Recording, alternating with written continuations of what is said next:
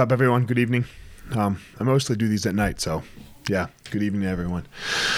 Um, man, so I was watching The Last Dance the other night, which is uh, a biography, a, a, 10 part docu series on ESPN about the last season with the Chicago Bulls with Michael Jordan. Um, that they won the championship there of their second three-peat and I find the whole thing to be very interesting. Um, so I let me start with saying I there there is not a bigger Jordan fan than me. Um, I, it might be equaled, but not bigger. And there's not really much that's been a surprise.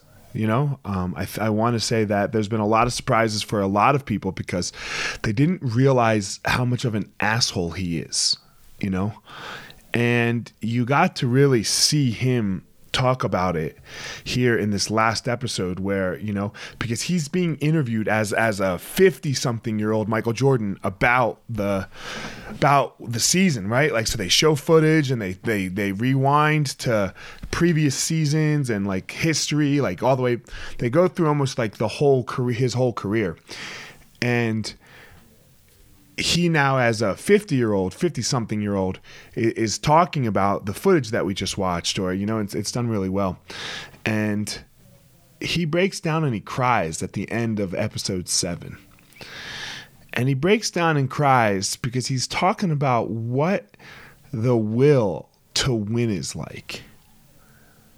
And you could just feel it. And man it, it was so amazing to me because I, don't care if you become a champion or don't become a champion. And I, and I was talking to my friend today about the podcast will air next week with my friend Shannon. And man, what it's like to really give a shit.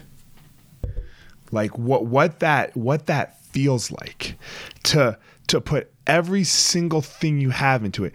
And in a team sport, to be like, no, you guys are either coming with me or you are off this bus. Like you like I will do whatever it takes, whatever it takes to be the champion.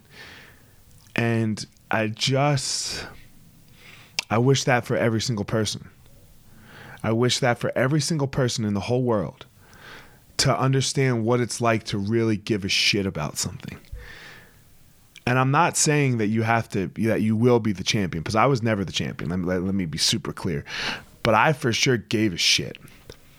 I for sure put every single thing I ever had into the into. I put all the eggs in in bat in a basket. Um, and when they broke, I had to move on, right? But God, it's such an amazing feeling.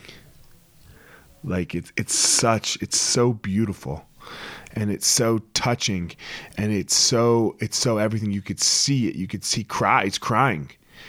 You know he cried about nothing else when they interviewed him. And maybe that's because they cut you know but i doubt they would let like talked about his father. His father's death didn't cry you know and like dude his, i mean watch the series so if you think it's because he and his father weren't close then that's not it. But goddamn i wish we all had the courage to give a shit like to really, really, really fucking give a shit about something. And go try to be it. And do it. Find your power.